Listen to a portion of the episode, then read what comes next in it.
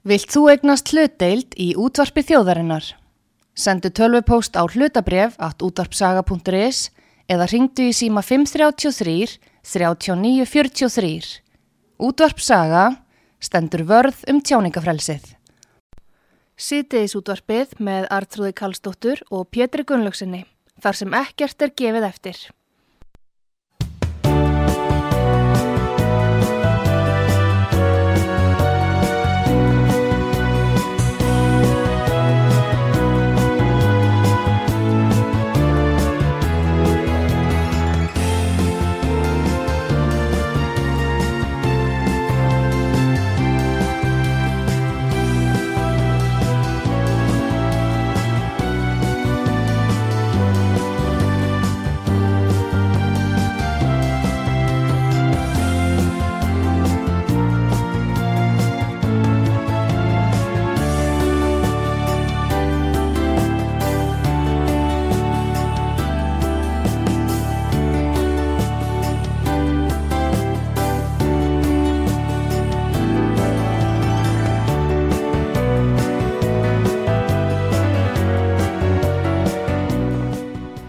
Komiði sæl þeirra hlusta út af sögu Artrúðu Kallstóttir og Pétur Gullaugsson með ykkur.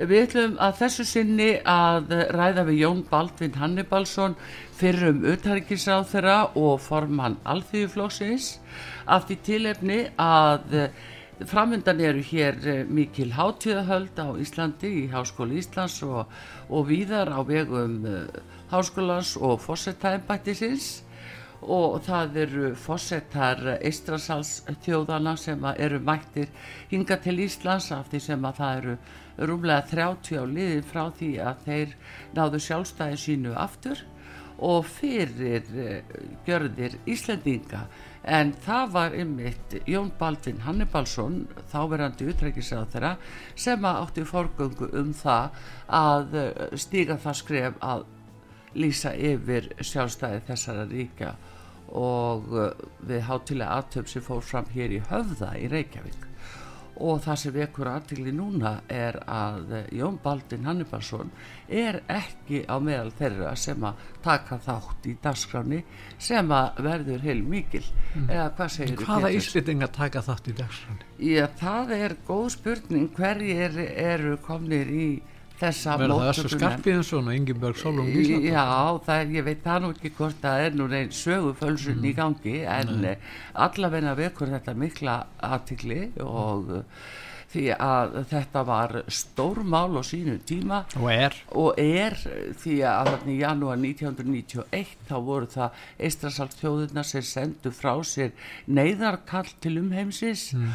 báðu um bráðahjálp þar sem að þeir voru undir herrveldi rúsa mm. eða sovjetríkjana segja og það þýðir að að það voru svona menn held að sér höndum að örgisað saminuðu þjóðana og og aðri slíkir aðlar stígu, stígu ekki þetta skref en það var Jón Baldvin og svo ríkistjórn það var fórsættisáður að Stengri með Hermansson og Jón Baldvin hann var óhrættur og þorða að standa með rétti þeirra og við skulum heyra hvernig hann rifjar þetta upp og, og spjalla við hann. Góðan dag Jón Baldvin Hannibalsson. Góðan dag og verið, verið heil og sæl. Ég sitt hér í Andalúsjö og flytt ykkur klíjar hverjur úr söðrunu Já, takk fyrir það.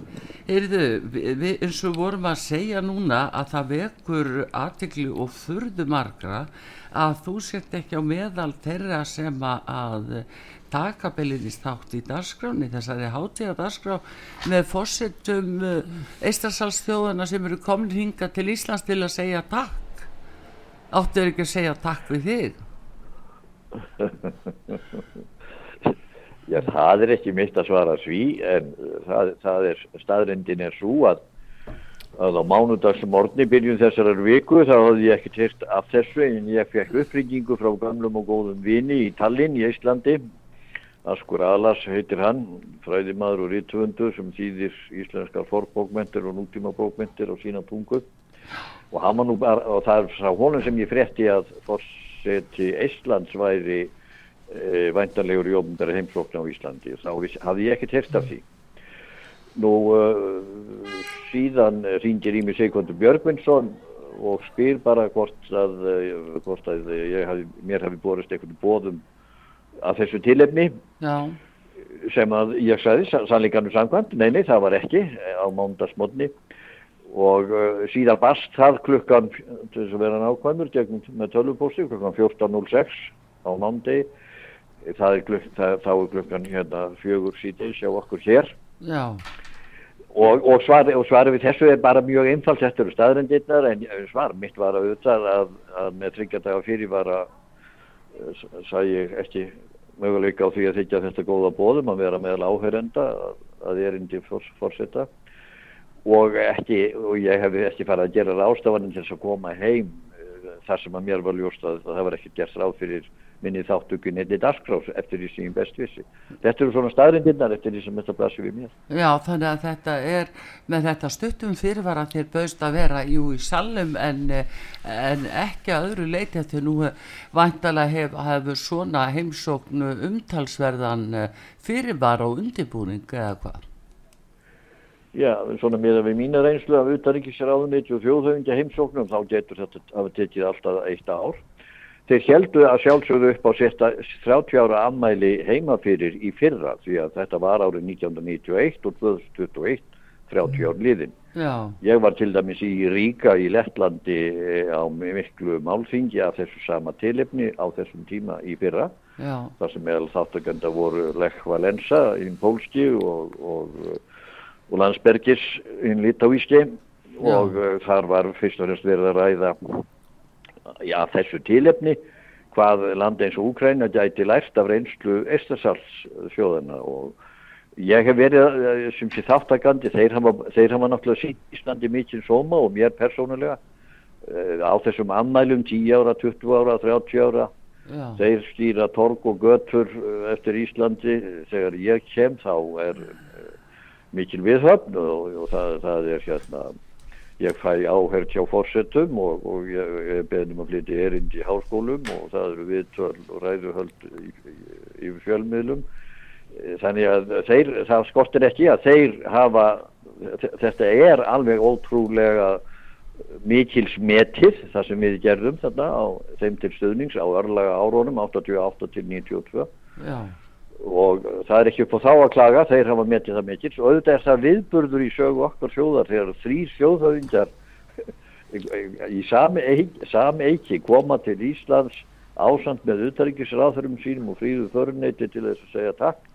Auðvitað á þessi langan undirbúning og aðdraganda og og að því standa náttúrulega þá fórsetis ennbættið utaríkis ráðniti og sjá um praktíska hluti svona heimsóknir Nú, og svo blandast háskólinn inn í þetta það sem fyrir hand fræðana er það ekki jú. til að bóða til þess að fundar í háskólan Jú, jú, það akkurat en það er hins vegar uh, sko, var ekki, var þetta bara fjöxt þetta, uh, þetta tilkynnt í tölvuposti, hvað sagður þú? Bara uh, Já, já, ég fekk bara bóðskort á, á mánudegi síðis klukkan 14.06 uh, og þá eftir það að, að, að Sigurður Björgvinsson hafi gert eitthvað aðtjóðsendir eða spurt fyrir um það skils mér. Já. Ég er nú ekki til frásagnar um það, já. En, en svona er þetta, staðrindin er, er þessi. Jón, þegar að þú varst að steyðja sjálfstæðisbaratu Eistalshalsríkjana, þjóðana, voru já. margir íslenski stjórnmálamenn sem voru sammálaðir? Sko, þetta er á árónum, sjálfstæðishefingarnar byrja að rýsa á legg 87, þetta er í kjölfarið á glasnost og peristróiku Gorbalsjós sem þetta gerist. Þetta eru grasrótar hefingar sem spretta upp til þess, til verna á grundvelli þess að, að vernda og bjarga menningu sem var að líða undir lok, tungumál og menningu og svo er þetta líðræðislegar græsrótarhefingar 88, 89, 90 og til ásloka 91 voru margir íslenski stjórnmála menn sammála mér? Þetta er í stjórnartíð ríkistjórnar Herm, Stengris Hermanssonar frá Já. 88 til 91 aðri ráðherrar í þeirri ríkistjórn til dæmis? Já, aðri ráðherrar í þeirri fyrir út af fórsættisára Stengrim sem að og samstaf okkar var mjög gott. Já. Þar var fyrirverandi fórseti fjármálur á þeirra, heitir Ólaf Ragnar Bímsson. Já. Hverju voru fleiri? Svavar Gesson var uh, þeir tveir frá Alþjóði bandalagi. Steingrímur Nú, uh, á okkar hálf, hálfu, á, já, Steingrímur, uh, frans, formað fransúnflóksins og og uh, okkar, okkar hálfu Jón Sigursson sem var viðskiptaráþara og Sigvartur sem var heilbriðis. Já, ég var ekki hún hérna? Var Gleim, gleim ég einhverjum, já, Jóhanna, Já, Jóhanna var í þessari stjórn. Félagsmálar á þeirra Já, vinkona mín. já, Stórvinkona. hérna, já, en þetta uh, sko, það, nú, eitt en Ísland Það var engin ágreiningur um, um það hvernig ég held á þessu máli stundum, uh, jú, sagði Steingrímur í Vincent að, að, ég, að ég mætti ekki vera svona geist Nú, en sagðan ég það var aldrei varfið já, já, já, já og Svavar Það- Gesson, það hann, verk. hann var í þessari ríkisjórn líka.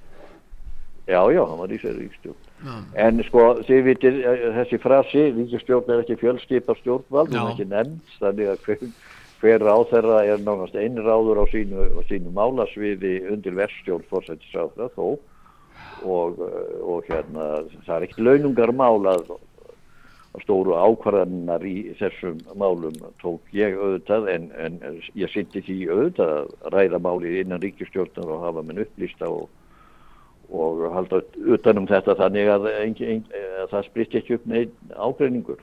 Já, en og, sko, en, innan, en innanlands sko þetta var náttúrulega ekkit áhættulaust. Eh, þeir munið þorskastríðin og, og breytar skert á okkur viðskiptabann á sínum tíma ní- 54 Já, og, og þá, eh, þá hérna komur gripur Sáðuríkin inn í í miðju kaldastrið og byrðist þess að kaupa okkur allan, allan okkur fisk sem við gætum látið þeim í sé og í staðinn fengum við olju og bensin á, á, á flottan og flugflottan frá þeim.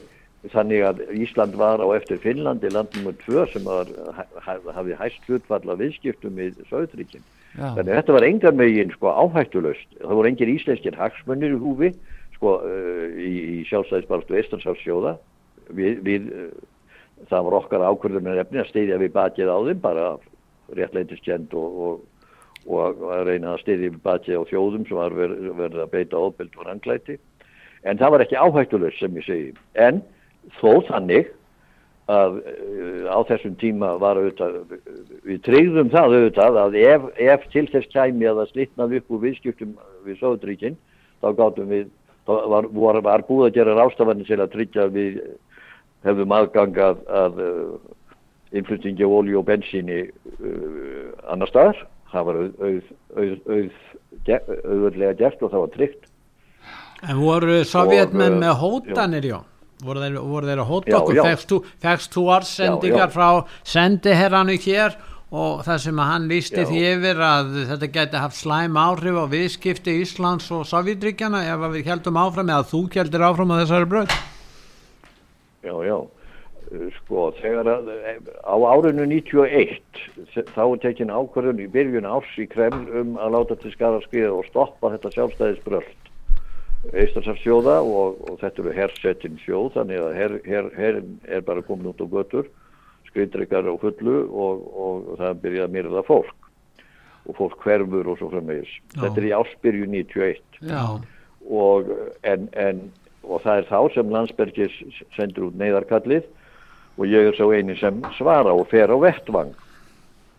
Ógleymanlega í dagar auðvitað þjóð í, í, á örlaga stundu það, það, voru, það voru allir út á götu það voru 600.000 manns á götu miljósina sem að horfist í augu við skreitrikarna og upp í gynið á kvarpisjöftunum já, uh, og, og hérna í, upp í framhald af því samþekki síðan alþingi sko nánast eins og eftir, að- eftir að þeir lýsa yfir sjálfstæði sem er fyrsta desember sem er fyrirgjöfu 11. mars Já. 90 þá samþykti alþingi svona heillóskir heillóskaskeiti og sendi til Seimas þingsins í Litáen Sumi litáar vildu nú líta það sem, sem formlega viðurkenningu sem það var á sjálfstæði sem það var að vísu ekki, kom setna. En að því vorst að spyrja um að viðbröð sáðdreikjana, sko, að, að það er í framhald af þessum örlaguríku atbyrjum í byrjun ás 91 sem að Sovjetríkin byrja að örra hvers, hversa tónin Já. uh, byrjaði á því að, að, að sendi herra Íslands tekja um beinið í, í Moskvu, sendi herra Sovjetríkin Reykjavík kallaður heim og, uh, og uh, þeir, þeir hafa uppi orð um að þetta muni hafa afleðingar við séum að skipta okkur að, með óréttmætum hætti að innanlandsmálum Sovjetríkjana já, og ég, þetta, er, þetta er svona í mars, februar, mars 91. Ég tók það mjög alvarlega sko, og, og, og, og, og ég setti saman lögfræðingateimi undir fórustu þjóðréttafræðings utanriksráðnitsins sem fekk liðsinni frá Íslandi með þjóðréttafræðingur og öllum hnútum kunnjur í soviska kerfi. Og við settum saman skýrslu uh, um uh, það, uh, það sem við svörðum mjög málefnalega með vísan til uh, þjóðaréttar og alþjóðarsamningar sem Sovjetríkjum var skuldbindin af, einfallega. Við erum ekki að blanda okkur í innaríkismál Sovjetríkjana, þvert á móti, þið hafið sjálfur viðurkent nú með því að, að, að, að fella úr gildi uh, hérna, Molotov-Ribbentrop samningin og protokolla síkrind bók, leinibókanir við tengslu við það. Já. Þetta voru samningar millir Hitlers og Stalins á sínum tíma sem að skiptu Evróp á milli sín og gáfu Stalin uh, bara yfiráður rétt yfir Eistarshals og uppafið að, í raun og veru uppafið að síðar heimstyrjöld upphafið setni heimstyrjöld og, og hérna e, við segjum einfallega þetta var ólulegt þið hafið nú viðurkjönd að þetta var ólulegt já, þar af leiðir eru við ekki að, að hlutast neitt til um ykkar innaríkismál við erum bara að, að, að, að, að uh, álíkta um það að það eigi að finna friðsamlega lausn á, á þessu. Þessar þjóður eiga ótvílega rétt sjálfs, á sjálfsákvörðunar rétt á endurreistu sjálfstæði og, og um það á að semja með friðsamlegum hætti. Og ég svo bæðist ég með eða fórsettur Íslands þá nýju orðin hafi þar, hann stakk upp á því villu ekki gera sáttasemjari milli Sovjetaríkjana og, og, og, og þeirra. já, Ég aftakka það nú kunstlega en benda á Ati Sari hinn finska sem alveg kjörin mann í það. já, Af því var svo auðvitað ekki. nei en, eh, en hvað með eh, önnur ríki og stopnarnir eins og örgisráð saminuðu þjóðana til dæmis og NATO og, og fleiri Hva, hvernig voru viðbröðin fjá þeim Sko, innan NATO, fórustumenn uh, vesturveldana, líðræðisíkjana í vestrinu sem er NATO og það voru Bush eldri, bandaríkjafórsiti, Kohl, sískaranskanslari, Mitterrand gafnulegs í París og, og The Iron Lady Thatcher í London. Já. Þetta voru fóringjandir. já, E, allt var þetta í, í, í, undir, undir í því stóra samhengi að það var verið að semja við Gorbachev, umbótamannin í, í, í Kreml, um endalokk kaldastrýsins og það var mjög mikið í húfi, það, það er Já. alveg ljóst. Þetta voru afvopnunarsamningar, venjuleg vopn, kjarnavopn, samdráttur herja, uh, þetta voru samningar um samskipti land, la, uh, hérna, Sovjetríkjana við, uh, við líðræðisríki Vesturlanda að loknum kvöldu stríði. Og þar var einn ein, eitt grundvöldaratriði og það er þetta. Gorbachev var samningsaðilinn, þeir lítu á hann sem, sem, sem uh, ef að hann uh, hérna fjalli frá, ef að honum verið steift af stóli, ef að hann misti völdin, þá færi allt í baklás. Þá myndu harlínumenn koma til valda, þá væri jafnvel hægt á stríði í Östur-Európu, þess vegna mátti ekkert hérna uh, segja eða gera sem gæti stemt völdum Gorbachevs í hættu. Þetta var afar ósteinsamlegt eh, og byggti ekki á mjög tröstum greiningu á ástandinu innanlands því að Gorbachev var á þessum tíma uh, greinilega og augljóslega að missa tökinn og að, setja öll veð, veðja, sem sé, leggja allt undir með stefnu í svona stórum málum á pólitískum örlögum einsmanns er náttúrulega ekki skeinsamlegt. Jæja. Gorbachev sagði, ég, mitt, eh, sko, hann dró línu sandinu sagði, ég, ég krefst þess að Sovjetríkjón verði haldið saman óbreyttum uh, og, og við erum ekkert samningu um neitt slíkt. Það þýtti að Eistarsafstjóðunar á samt 15 öðrum eh, ríkjum voru lokuð inn í sjóðafangelsi Sovjetríkjana. já, Bush, bandaríkjaforseti, flutti endimis ræðu, hann kom 1. ágúst til Kiev í, í Úkrænu og flutti það ræðu sem er fræga endimum og er kalluð tjúklingaræðin í Já.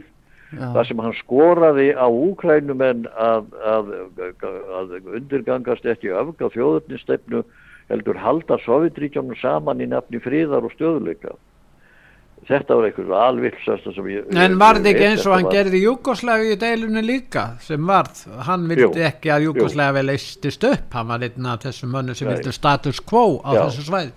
Ré- rétt, rétt en, en að því að við erum að ræða um sko, Íslandsjóðnar, þá Já. voru þær sem sé í þessari stöðu. Já, þegar að þeir, þær hafa farið gegnum líðræðisferli, haldið þingkostingar þingbundnar stjórnir líðræðislega ríkistjórnir þá leita þeir til Vesturlanda eftir stuðningi.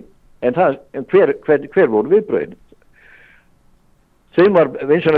Hafa, þeir voru vinsanlega speðið um að hafa hægt um sig því að þeir mættu, það væri svo mikið í húfi og, og, og ef þeir færi út þá væri Gorbatsjó fallin og þá væri allt, allt út af borðinu í allur ávinningur í, samlingum.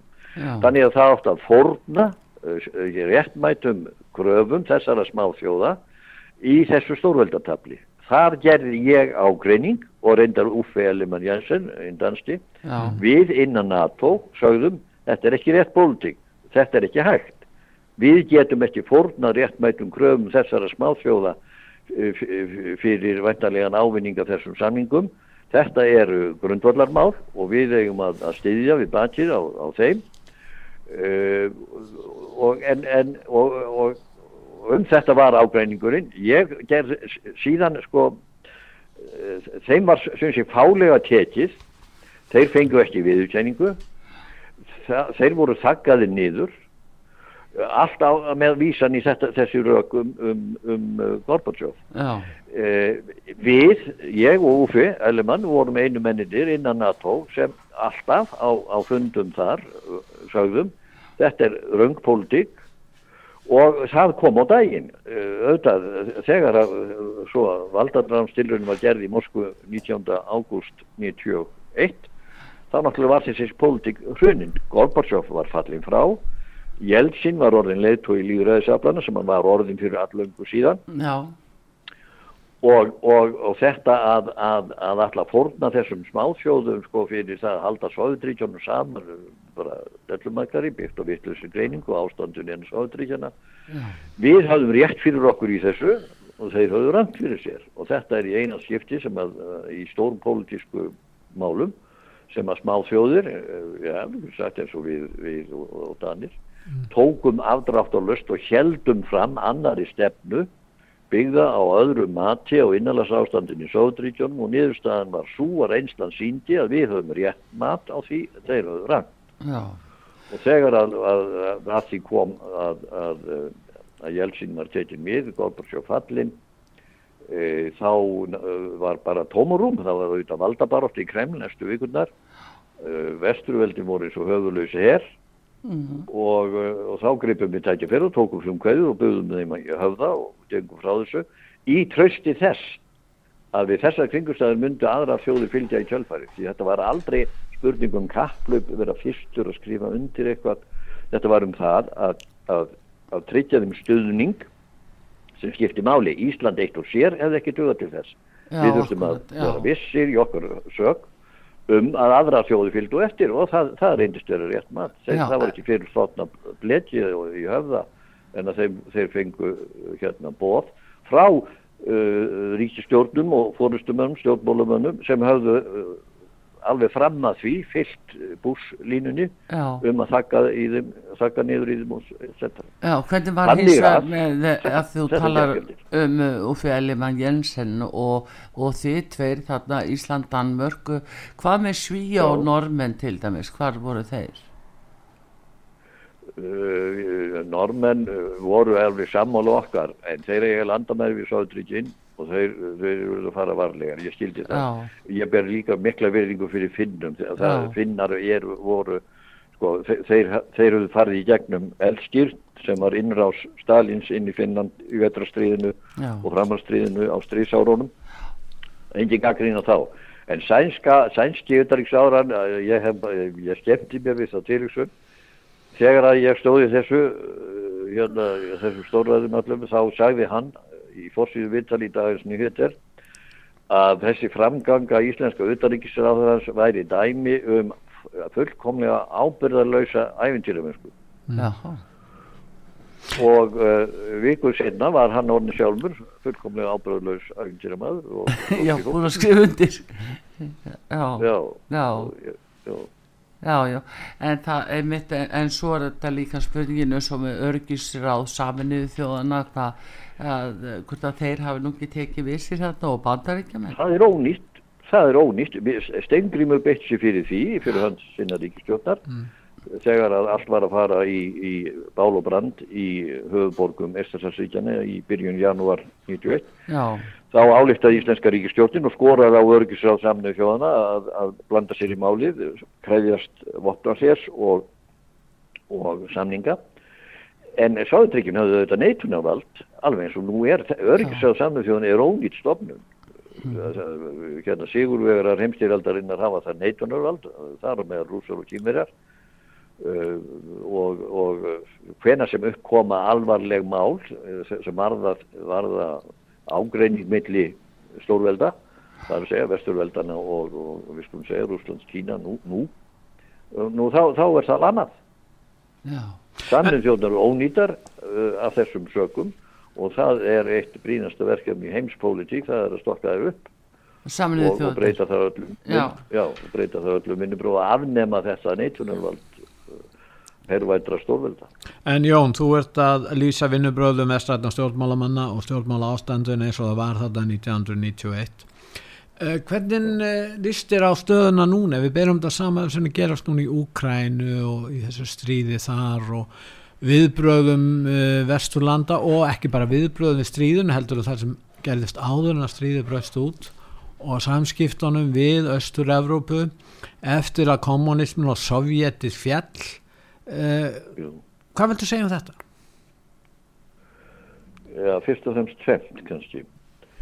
Annars vegar að ég tel það eitt af hinnum stóru tækifærum til þess að breyta heiminum til batnaðar hafi verið þegar að Sovjetríkin listust upp, því að þau, þau gerðu það, þau, þau listust upp uh, af því að þau voru, voru gjaldflota, þau voru hugmyndalega og, og efnahagslega og fjárhagslega algjörlega gjaldflota. Það var tækifæri sem að vesturveldin höfðu til þess að, að styrkja líðræðisöflin í Rúslandi því þau voru til, þau voru með þess að bísna öflug á þeim tíma. Og það átti að gera til þess að segja það bara í einu orði, Marshall áallun, Marshall áallun andar Rúslandi með sama hætti og bandaríkinn gerðu kakvart Evrópu í rústum eftir stríðið, massi Marshall áallun alvöru áallun um það hvernig ætti að haga umþóttunni frá gjaldfróta miðstýrðu þjónýtingakerfi kommunismans yfir í markaskerfi þar sem það á við fjármagnaða það var til áallunum það þetta kostar 150 miljardar bandarækjadal og 5 árum ef, ef við erum að miða Það eru við smá svona eirar í sama markaðsáætlunina. börðu við eðsluna núna út af stríðinu. Al, algjöri smáirar, algjöri smáirar myndi það, hefði það tekist auðvitað get ég ekkert fullist um það en það var til áallun og það, það var næ, nægilega fjárhastlegir burðir til þess. Eh, Þískaland borgaði sko til dæmis alveg rosa fjárhæði fyrir saminningu Þískalands Eh, Kól, Kól bara borgaði fyrir það, Já. nú þessu, þessu tækifæri var algjörlega klúðrað bæði tæknilega fræðilega, fjárhagslega að öllu leiti og, og, og það þýtti að Rúsland sökk bak aftur í gamla farið sem, sem keisaraveldi e, valstjórnaríki e, og, og, og bara eins og það er í dag. Hitt málið var það Úkrænu sko, Úkrænumenn fóru í þjóðratkvargreyslu hvort þeir vildu sjálfstæði. Var, þeir, þeir, þeir kursu með 92,5% atkvæðlist að stöðningi við sjálfstæði sem þýtti að þó að rúsnesku mælandi minni hlutin sé kannski 20% þar að þá, þá voru þá var mikil meira hluti þar. Og í öllum fylgjum Úkrænu var meira hluti fyrir sjálfstæði í þjóðratkvægreyslu Eh, 145 dögum eftir að Bush flutti þessar bjánaræðu þarna í, í Kiev Eh, en s- s- hvað gerir svo? Hv- hvers vegna í, í óskubunum er Úkraina í þeirri stöðu sem hún er í svarið við því er einfallega pólitíska fórustan í Úkraínu brást uh, þeir klúðruðu tækifærinu sem þeir fengu til þess að ganga skipulega til vers. Ég hef, ég hef bæði í Eistarslandum og í Úkræn, ég hef flutt um þetta erindi og ræður og í tíf sjálfri, aðalega til þess að segja eitt. Berið saman reynslu Eistarslandsjóðuna þryggja sem eru smá fjóðir við hérna ykkar feril. Nú eru liðin 30 ár sko, þetta var nú kannski meira þegar ég var að tala um þetta, það voru 20 ár. En, en, en hvað hafa þeir gert? Þeir gengur skipulega til verka. Þeir, þeir hérna, í, þeir setju sér markmiði upphafi. Vi, vi, þeir þekktu Rúsland. Þeir vissu að björnin var særuður í hýðinu að, að sinni. Þeir vissu líka að hann myndi vakna. Þeir sögðu við verðum að festa í sessi okkar líðræði, okkar líðræðislegu stofnanir e, og okkar efnahagskerfi með tvennum hætti. Við verðum að ganga í Európa-sambandið, við verðum að ganga í NATO. Mm -hmm. Og til þess að gera þetta, þá þurftu, sko, þetta kallaði á að þeir þurftu að fullnæga intöku skilirðum og það var eins og bara kennslubókum það hvernig á að, að, að, að stýra þessari umþóttum. Þar, þar með var komin sjálfsægi á svona populíska vittlisgang sem var, var auðvitað víða. Minna, ég nefnir sem dæmi að það voru komin 40 eitthvað stjórnmálaflokkar í Lettlandi miljón mann á þjóðfélagi á einu tímanbili en þetta var nægilegur ytri ægi til þess að þeir gengur skipulega til verka. Þeir náðu báðu marknum þeir gengur Europasambandið Ísland fyrst og ekki bara í Europasambandið þeir tókum efruna og allt saman sem því fylgdi og þeir gengu í NATO í lótu 2 eftir að NATO stækjaði. Mm. Úkræna lág alltaf eftir. Úkrænumenn gerðu ekki neitt. Þar fór allt í upplust og vittleysu. En ég má til með að nefna hér í þessu sambandi eitt hlut. Það var á tímabili alveg yfirburða maður fórseti Úkrænu sem hétt Leonid Kutsma. Hann, e, þegar hann rak sig á það að, að hann, hann réði ekki við það að, að, að að uppfylla þessi intöku skilir og horfið fram á það að Ukraín er að býða kannski 20 ár eftir því að, að fulla skilir til gangi Europasambandi sko þá, þá, þá hérna þá kynntan sér EES-samningin og það leti til þess að hann bað mig að koma til fundar við sig í Kiev sem ég gerði. Mm. við áttum tvekja tíma fund. Hann fór, var þarna með Europasérfræðingum sínum öllum samankonum þetta var tvekja tíma fundur 10-15 manns við fórum ofan í saumana þessu ofan í smáatriði og samílingi niðurstaða var að til þess að flýta þessu væri það raunhæflaust að Úkræna uh, hérna gengi í, í EFTA og, og er því aðili að EES. Það hefði þýtt að Úkræna hefði innan 30 ára verið komin inn í Europasambandi. Þar með hefðum verið komin miklu nærs í sko, að uppræta helviti spillinguna og ólíkarka vilsuna og það saman. Já. Þetta hef, hefði hraðað uh, hérna, uh, því að festa í sessi þeirra sjálfstæði og ef að þetta hefði tekist þá er ekki stríð í Ukrænu. Því rússar hefðu ekki vaðið í land sem var komið inn í Europasambandi og NATO. Nú það er rætt mjög mikið um það líka að uh, Vesturland hafi lofað því að þrengi ekki að rússonum ef að þeir færi frá Östur-Európu. Rússarnir fóru frá Östur-Európu múrin fjall og annað og uh, hvað finnst þér um þetta? Það var náttúrulega, er eitthvað til í þessu og jafnvel þótt að sé eitthvað til í þessu uh, var það skuldbindandi fyrir Úkrænu ef Úkrænumenn vildu annar borð ganga lengra í átt til Vesturlanda? Nei, sko það að, að opna Európsambandi og NATO Já. fyrir lönd sem að orska eftir því mm er, það er ekki gaggríni verst mm. það er landir som Póland átt, áttu, áttu vesturveldir að segja nei þið skulle vera áfram á rúsnesku yfiráðarsvæði af því að, því að þeir í krem heimta það Nei, það átti ekki að segja það. Nei, ég er að tala um realpolitík, við veitum hvernig rússatnir eru, sjáttir. Þeir hafa sína, sína ástæði, þeir myndu segja svo bandaríkjaman, við viljum ekki fá rúsneskan eða kynvaskan eldflögar í Mexiko eða einhver stær í Nicaragua eða, eða, eða í Venezuela, skilur, þeir myndu ekki trætta sig við það. Já, en þá bendi ég á staðrind, af því að ég var að nefna Póland. Já Lech Valensa, þá fórseti Pólans það fekk hérna Boris Jeltsin í ofnbæra heimsó þetta var 1992 Já. og þar þeir gefur samíli yfirlýsingu þar sem að Jeltsin fyrir hönd uh, rúsneska sambandslífilsins lýsir yfir að hann gerir engar aðtóðsendur við það að Póland gangi í NATO og hann það skafi ekki uh, hagspunni Rúslands. Þetta staðrind. Þetta Já. gerist 92. Uh, voru einhverju loford, gefin skuldbindandi loford að hálfu vesturveldana um að, að opna ekki NATO eða Europasambandið. Svarum því nei, það voru engin skuldbindandi loford gerðum það og þau, það voru ekki gerðar kröfur um það. Á tímabili var rætt um að inklúdera Rúsland, sjálft Rúsland, meðan með voru einn að vonast til að það er líðræðistróun. Inn í þetta nýja kerfi, jafnvel, það var talað um það að Rúsland gerist aðilega að Europasambandið í alveg á tímabili og, og jafnvel, jafnvel að, NATO. NATO opnaði, bjóti sérstaklega stofnani sem er mjög náið samráð við Rúsland en kjarnimálsins er þessi. Fullvaldaríki eiga ráða því sjálf hvernig þau tryggja öryggi sitt og framtíð og þau eiga ráða því sjálf hvar þau velja sér uh, stöðu í samfélagi þjóðana í bandalögum eða svo framvegis.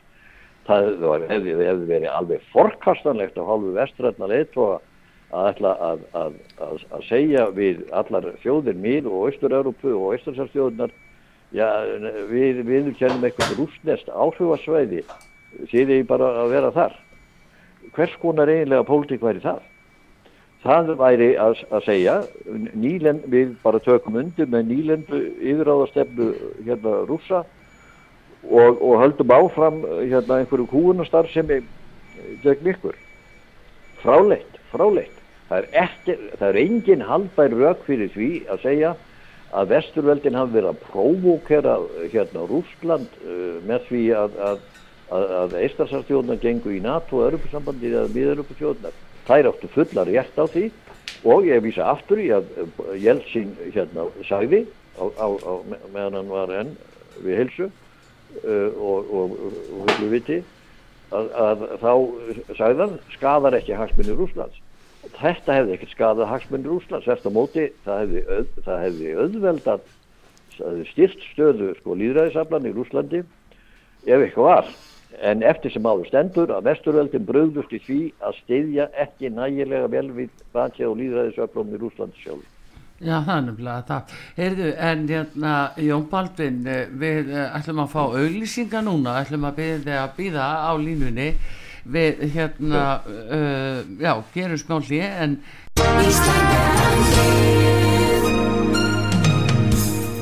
Styrtareikningur útvarpsögu í Íslandsbanka á Granda. Útubú 513, höfubók 26, reikningur 2.11.11. Nánari upplýsingar á útvarpsaga.is. Takk fyrir stöðningin. Það verður frólægt að heyra líka hvernig þín sín er á ástandi núna, þetta strísástand og, og afskiptu aðkomu uh, Evrópussambassins og fleiri aðila að uh, málinu. Okkar Íslendinga til dæmis. En uh, hér á útarpi sögu Jón Baldvin Hannibalsson fyrrum utanækisáþur á formaður Aldíflósins og við erum hér Artrúð Kallstóttur og Pétur Gullus og við komum aftur eftir skamma stund.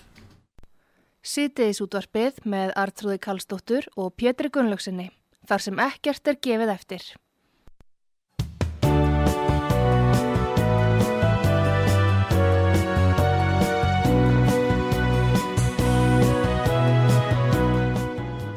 Komið þið sæl aftur þegar að hlusta á útvarsögu Artrúð Kallstóttir og Pétur Gullursson Við erum að tala við Jón Baldvin Hannibalsson fyrir um utaríkisáþara og formann alltíðuflóksins en hann var utaríkisáþara sem átti forgöngum það að Ísland var fyrst allra þjóða til að uh, við kenna sjálfstæði uh, Estrasals þjóðana sem eru ymitt uh, fórseta þeirra komni til landsins að halda hátíð hérna og alltaf segja takk við Íslendinga. Já, takk en Jón Baldvin er bara ekki í hópnum. Og við erum og verið að tala við hann. Jón Baldvin, uh, við vorum að ræða hérna áðan sem sagt eh, um Úkrænu, Rúsland og og þá er spurningin hvernig finnst þér sem fyrir um utanækisáð þeirra að horfa upp á það að Íslandi farið að, flytja vopn í stórum stíl og, og orðin svona beitna aðeili að uh, strís ástandi, strís þáttökum Já, uh, ég var á mínum yngri árum marxisti og þjóðurni sinni í þeim skilningi að ég leit á NATO sem bandalag gamlu európsku nýlindu veldana og var þegar ég var hvað 11 ára á Östurvelli eh, í, í, hérna, í borgarastriðinu sem þar var á Östurvelli eh, að mótmæla engungu Íslands í NATO. Þetta er nú eina stóra ákvörnum sem ég tel að vera raung hjá mér því að ég tel að enganga okkar í NATO sem stopn aðili hafi verið eitt af því besta sem Ísland hefur gert.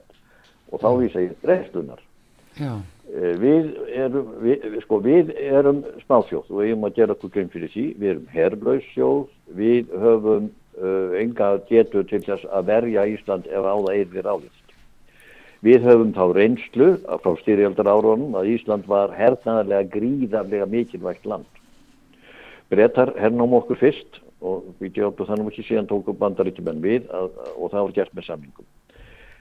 E, Bandaríkinn höfðu hér nærveru uh, fram til ásins 2006 í kaldastri af hverju gengum við NATO? Við, við, við, við vildum vera skip okkur í raðir líðræðisvíkja vestur-Európu uh, við óttuðumst að fenginni reynslu á hernaðarlega mikilvægur svæði að vera með landi galópið og varnarlöst uh, og og tryggðum þar með uh, öryggi okkar.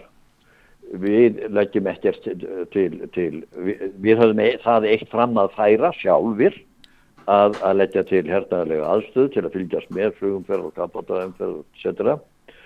Þetta var eftir á að higgja, akkur, akkur vorum við móta þessu, jú við óttum stað að, að við erum bara driftir af Ameríku, við erum og Guantanamo Bay Þetta er í byrjun á ævarandi hersettu nandi, ég skilð upp þau rökk, en þegar við lítum tilbaka þá er niðurstaðan svo, þetta var farsæl ákvörðun, þetta stríði okkur öryggi og stabilitet, þetta styrti stöðu okkar gríðarlega í stríðunum við, bretta í þorskastríðunum, sennilega átti það sko likilsátt í því að, að við unnum þau stríð sem er náttúrulega eitthvað mikilvægast sem gerst hefur í, á Íslandi eftir þess árana að hafa hafa unnið forræði yfir 200 sjómíli efnarslöksu okkar.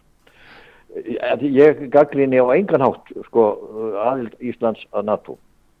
Hva, eigum við þá ekki að taka á okkur skuldbindingar svona, eins, og, eins og það að leifa lendingar og fluttingum með vopn etc. Jú, við erum að gera það. Við erum að gera það í þessu tilviki. Þegar um er að ræða brútalt, tilefnislaust árafsarstríð uh, Rúslands á nágrannaríki ég,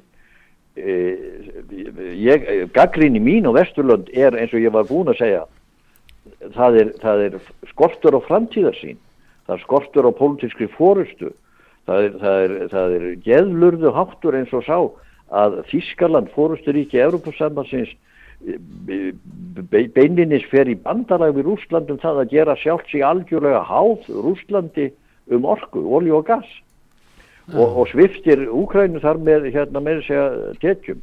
Það, það, það er engar íkjur að segja að, að Þískaland og fleiri Európaríki eru raunverulega að fjármagna því að hérna stríð Pútins gegn Úkrænu uh, hérna ef að pólitíska fórustan hefði verið alert, ef hún hefði verið vakandi, framsýn sko, einhver léligasti stjórnmálumar í Európa eftir stríð var mamma Merkel í Þýskalandi sem allir lofuð og prísuð af því hún hafði alltaf skoðanakannanir og hún tók náttúrulega ákveðnir hún ber, á, hún ber ábyrð á því að, að, Þýsk, að Þýskaland var orðið háð Rúslandi og það er, það er skammarlega neðurstaða eftir, eftir 15 ára valda fyrirlega hvað það var. Mm. e, hérna það Evrópa verður að fara sko, ev Evrópa er, er efnahagslega gríðarlega stór stærð í heimshagkerfunu stærri en bandaríkinn Kína er, er auðvitað rísandi og mun fara fram úr báðum. En Evrópa hefur sér hagsmuna að gæta. Sko Evrópa getur ekki verið undirverktaki innan NATO að auðvitaðríkispólitík bandaríkjana þegar þeir eru farin að gera tóma vittlis út um alla trissur Þannig að Evrópa verður að byggja upp sinn eigin varnastyrk og hefur alla burði til þess að gera það. Eh, það um þetta á að þetta semja innan NATO því NATO hefur gefið mjög góða raun. NATO, NATO er, er árangursríkasta varnarbandalagi heimi sem tryggði frið mjög langan tíma á þess að hleypa á skoti. Ef, eh, NATO á ekki að vera hérna lögregla heimslögregla. NATO á ekki að elda bandaríkinn inn í Afganistan og Írak og eitthvað svolítið. Uh, uh, það verður að gera vera, vera á hreinu að ef þetta er varnar þetta er collective security líðræðisvíkjana, bandaríkjana og Európu, collective security við, við saminumst um að byggja öryggisterfi sem er endalega undir auðvitað njúklegar umbrölu bandaríkjana hættan sem stæðir að NATO er núna að, að þetta transatlantik bandalega rofni uh, ég tala ekki með um ef, ef eitthvað vitsingur eins og Trump kemst til valda aftur í bandaríkjónum uh, sko sem að taldi NATO vera úr þessu allavega bara leggja niður. Uh, sko þá verður náttúrulega Európa bregðast við. Það er alltaf, alltaf viðbræða pólitík það er aldrei nefn framsýn. Já, en, en, en sínist er sko Evrópu sambandið standa tröstum fótum núna eða erum við að fara að sjá fram á einhverja breytingu þarna umtalsverða Evrópusambandi stend, stendur ekki tröstum fótum, nei það er, veikri pólitíski fórustu það er viðbráða seint það er ákvarðana það er ákvarðana fæli, það er seint til ákvarðana en undir struktúrin sjálfur er, er, er veikur. Þetta er aldrei teknilegt sko.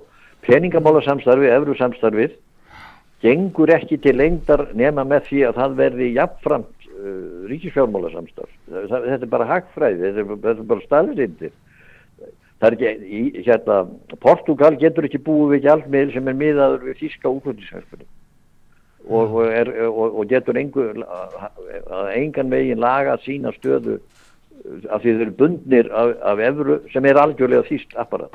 En Jón, er uh, Evrópussambandi nokkur í stöðu til þess að rega skynsanlega auðaríkspólitík? Við sáum það í Júkoslavíu deilunni Eh, þar, hver, leisti það? Var það ekki Bill Clinton og það farið til Ohio, Dayton, Ohio? Þar er rétt að semja og framið ég meina við sjáum í þessari Úkrænu deilu sem er náttúrulega þetta er ekki bandarist vandamál fyrst og fremst þetta er vandamál hér í Evrópu. Þannig að hverjir eru það sem að koma fram fyrir hálfu Evrópu, við lítum á leiðtóðan í Evrópu, hverjir eru leiðtóðar í Evrópu? Uh, Macron sem hefur ekki eins og niður þingja á baku sig lengur.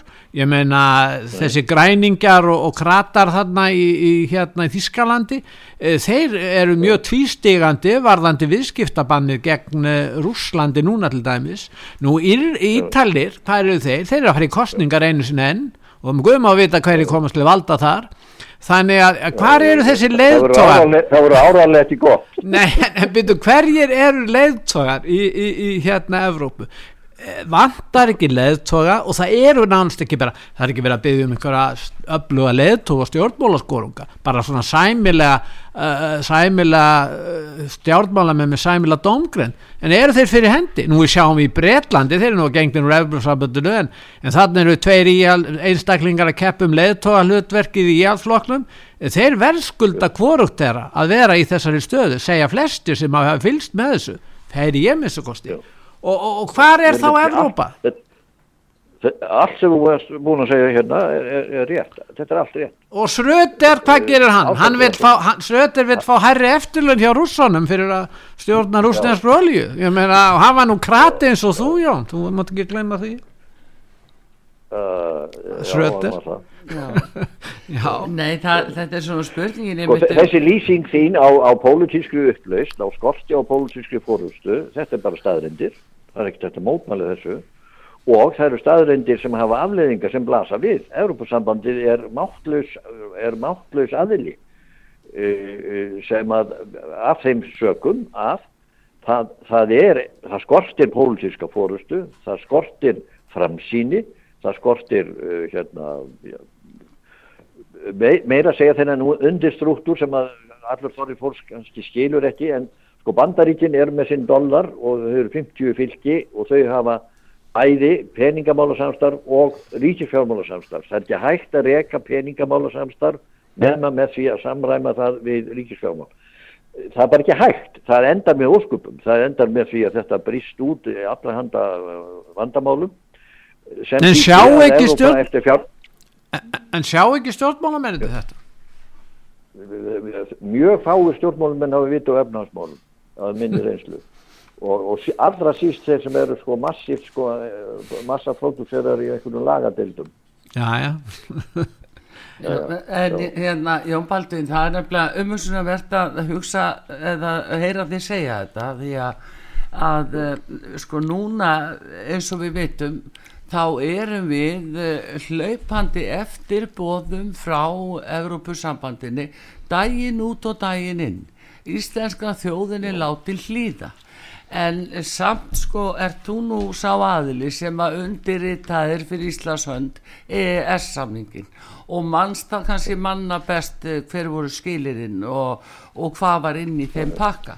Þeir eru raun og veru ekki bara aðskilja landbúna og sjávarútveg og reyna að fara eftir samkjöfnislögu, það er ekki eins og ég gert heldur að það, þeir eru að gleipa okkur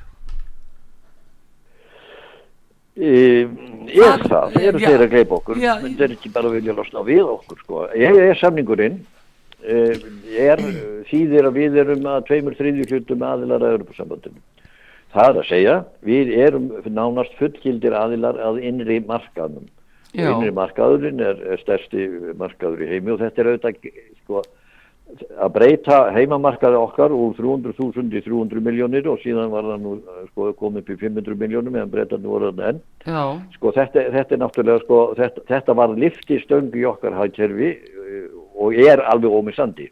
Sko þeir, þeir sem að voru á móti er sangnum og svínum tíma heldur að hann er í ósjökvæmilega skref, bara fyrsta skref af fullri aðild. En núna þeir sem eru á móti Europasambandsaðild algjörlega segja EES-samningurinn er nægilega góður, hann er svo góður að við þurfum ekki að stíga skrefið til fulls og það er vega mikið rauk fyrir því. Við erum utan við mjög margt en höfum eiginlega, já það er nánast þannig, við, við nótum kostana af aðilda inn í markanum án þess að taka okkur allra handa skuldbindningar þar fyrir utan. Að þér var það framkvæmdina sem að þú ert að tala um uh, og að, að við erum að, sko, þeir, þeir senda hérna í postinum hérna, reglur og, og lög, etc. Sko, við, við erum tossarnir í bekknum að því leiti við, við, við sko, það er tvent sem við þetta segja. Í fyrsta lagi, við höfum, það er ekki þannig að ég er samningun sé automatist að við þurfum að gleipa við öllu sem frá þeim kemur. Það er bara ekki rétt. Það, er, það eru skýr og afdrátturlös ákvæði sem segja að ef að við höfnum einhverju, einhverju sem frá þeim kemur þá, me- þá, þá, get, þá er prósess fyrir því. Ef við segjum þetta samræmist ekki íslensku þjóðurhagslunum þá segjum við það í samstagsnefndinni uh, það er þeir geta ekki beitt neitunumvaldi þá verður það. En það þýðir það að á því sviði er Ísland ekki aðili.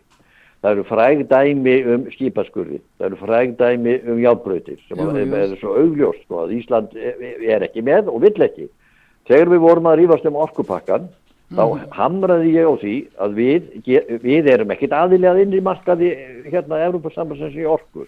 Við erum það ekki, það er heilt haf og milli og það er engi sæstrengur. Og þess vegna gáttum við sagt uh, ok, hafið það eins og við viljið þarna í orkuskortinu á meginlandinu en við erum ekki með. Við ætlum að halda þjóðar eign á auðlundum okkar. Við ætlum að halda ríkisrekstri í orkuframlýslu sem er mjög, að mínum að mjög þýðingamikið vegna þess að, að það að gera þetta að engaregnum uh, gróðarsjónumilum að selja spott uh, prísa í gegnum sæstreng einhverstaðar og toppbónum. Sko, þar með værum við búinir að, að missa kontról á þessari framtíðar auðlind okkar. Já, það er ekkert í EE samningnum sem komið veg fyrir það. Það var bara auðmingjaskapur og róluháttur þeirra sem að, sem að se- sátu upp stjórnaraði á þessum tíma sem að höfðu ekki augun svá, svá, þeir, þeir tóku við þessu öllu saman hálfsáðandi já, það er nú það sem kannski hefur dregur dilka eftir sér, það er nú það allavegna blasir þetta svona nokkuð við hér á Íslandi Jón Baldvin, að við erum stöðut að taka upp einhverja reglur og einhverja hegðun sem að að eh, kemur frá Europasambandinu og meira sem nú skiptir máli þú mútt ekki segja hvað sem er það, það eru búð og bönn í því hvernig þú átt að, að, að tala og hvað orðum átt nota þannig að þetta fer að það fer að vera það, vandlifað það er ekkert það er ekkert, ég er samlingnum sem skipar þér fyrir um það hvaða orð þú notar og hvernig þú talar Nei, Það- þetta er bara róluháttur Rótaháttur. Já, akkurat, það er nefnilega það. Þetta er, þetta er sérkennileg staða sem er uppi. En uh, mikið er búin gaman að heyri þér Jón Baldin og hérna við uh, svona fyrir nú að ljúka þessu. Já, hérna, Jón, jú, jú. fyrir þú ástæðan Já. að fjallum þetta að í sambandi við vorum að tala um þau upphafi að þú ert ekki þarna á þessum uh, fundi, hátíðafundi það er þessi útilokunar ómenning sem er að eiga sér stað og á sér stað í akademíun út um allan heim og Já, já. hérna það er verið að útiloka fræðimenn og vísindamenn sem er ekki alveg sammála meiri hlutanum á einhverjum stöðum og það er miklu verra fjölmiðlarnir eru farnir að koma inn á þetta leið. Og það má kannski segja að þú ert eitt fórtanlamp útilokunar eh, hérna hyggunar sem er að breyðast yfir vesturland. Ég ég, ég er það, það er líka fyrir staðvendin er svo. Háskóli Íslands uh, rifti samningi við mig af því að einhver er konur í, í einhverju sem heitir kynjafræði skor félagsvísindadeildar sögðu að ég væri vondur maður. Já, Hafði ég verið dæ- dæmdur einhver staðar? Nei, nei, ég, það, það er búið að koma með tærur á, á hendur mér fimm sinnum sem í öllum tilvikum, öllum tilvikum hefur verið annarkvort vísað frá og þá með þeim bara á þeim lagalegu forsendum að ekkert í þeim málflutningi uh, gaf til kynna uh, eða staðfesti refsiverða hátsemi það er búið að vísa þessu frá 2002, það er búið að vísa því frá 2005, ví- vísa því frá 2007 vísa því frá 2013 vísa því frá 2014 Eh, tvö mál hafa farið fyrir domstóla og í, því fyrra þá voru dæmd svífurlegust ásakarnar dæmdar döður og ómerkar. Í því setna var í síknaður enga síður þá var það þannig að, að, að þessar konur í háskólanum kúuðu háskóla hei, félagsvísindasvið og svo rektor háskólas til þess að rifta samningi e, á, bara af því að því var hótað það er í beitt ofbeldi já, en Háskóli Íslands, Akademían sem á að standa vörð um réttaríkja á Íslandi lúffaði. Þegar ég hótaði málsókn þá lúffuðu þeir aftur og skriði í skjól og báðust afsökunar formlega. E, borguðu halva miljón í skadabætur sem mátti ekki kalda skadabætur en þeir stóðu við ákveðna ber úrsferbót, maðurinn er bannaður já, það blífur Háskóli Íslands eh, lúffaði fyrir þessum kröfum. Ég er uh, fórnarlamb uh, þessar út, útskúunar menningar. já háskólinn lætur, um. háskólinn lætur kúa sig en let fórsitt. Ísland kúa sig núna í þessu máli varðandi það Ég- þú, þú mætir Ég, hérna ég, ég, sko, ég, ég vil bara segja það í lokin að ég, ég vil ekki trúa því og þor ekki að trúa því. Ég hef mætur á guðuna TH, bæði sem manni og fræðimanni já, og ég trúi því ekki fyrir en ég tek á því. nei, Nei, við verðum að, að býða og sjá Jón Baldur hvað kemur í, í kjölfar þessa en allavega þetta vekur aðtikli að uh, þú sért ekki uh, sérstakur uh, já, bara ræðumadur þarna á, á, og í dagskráni en við erum en Já, þeir sem að missa af þessari dagskrá hins vegar geta bara hlusta á sögu og fengi Já. að heyra söguna. Já. hér uh, bara beint hjá okkur. Þannig að við viljum þakka þér innilega fyrir þetta. ég ætla að segja í lokin að ég, ég dáist að úthaldi ykkar og þorgæði að halda upp í þessari ágætu rödd, opnu rödd, það þýðinga mikið og ég hveti hvernig dáða. Þakka þér kærlega Þakka þér fyrir það, já. sömuleiðis.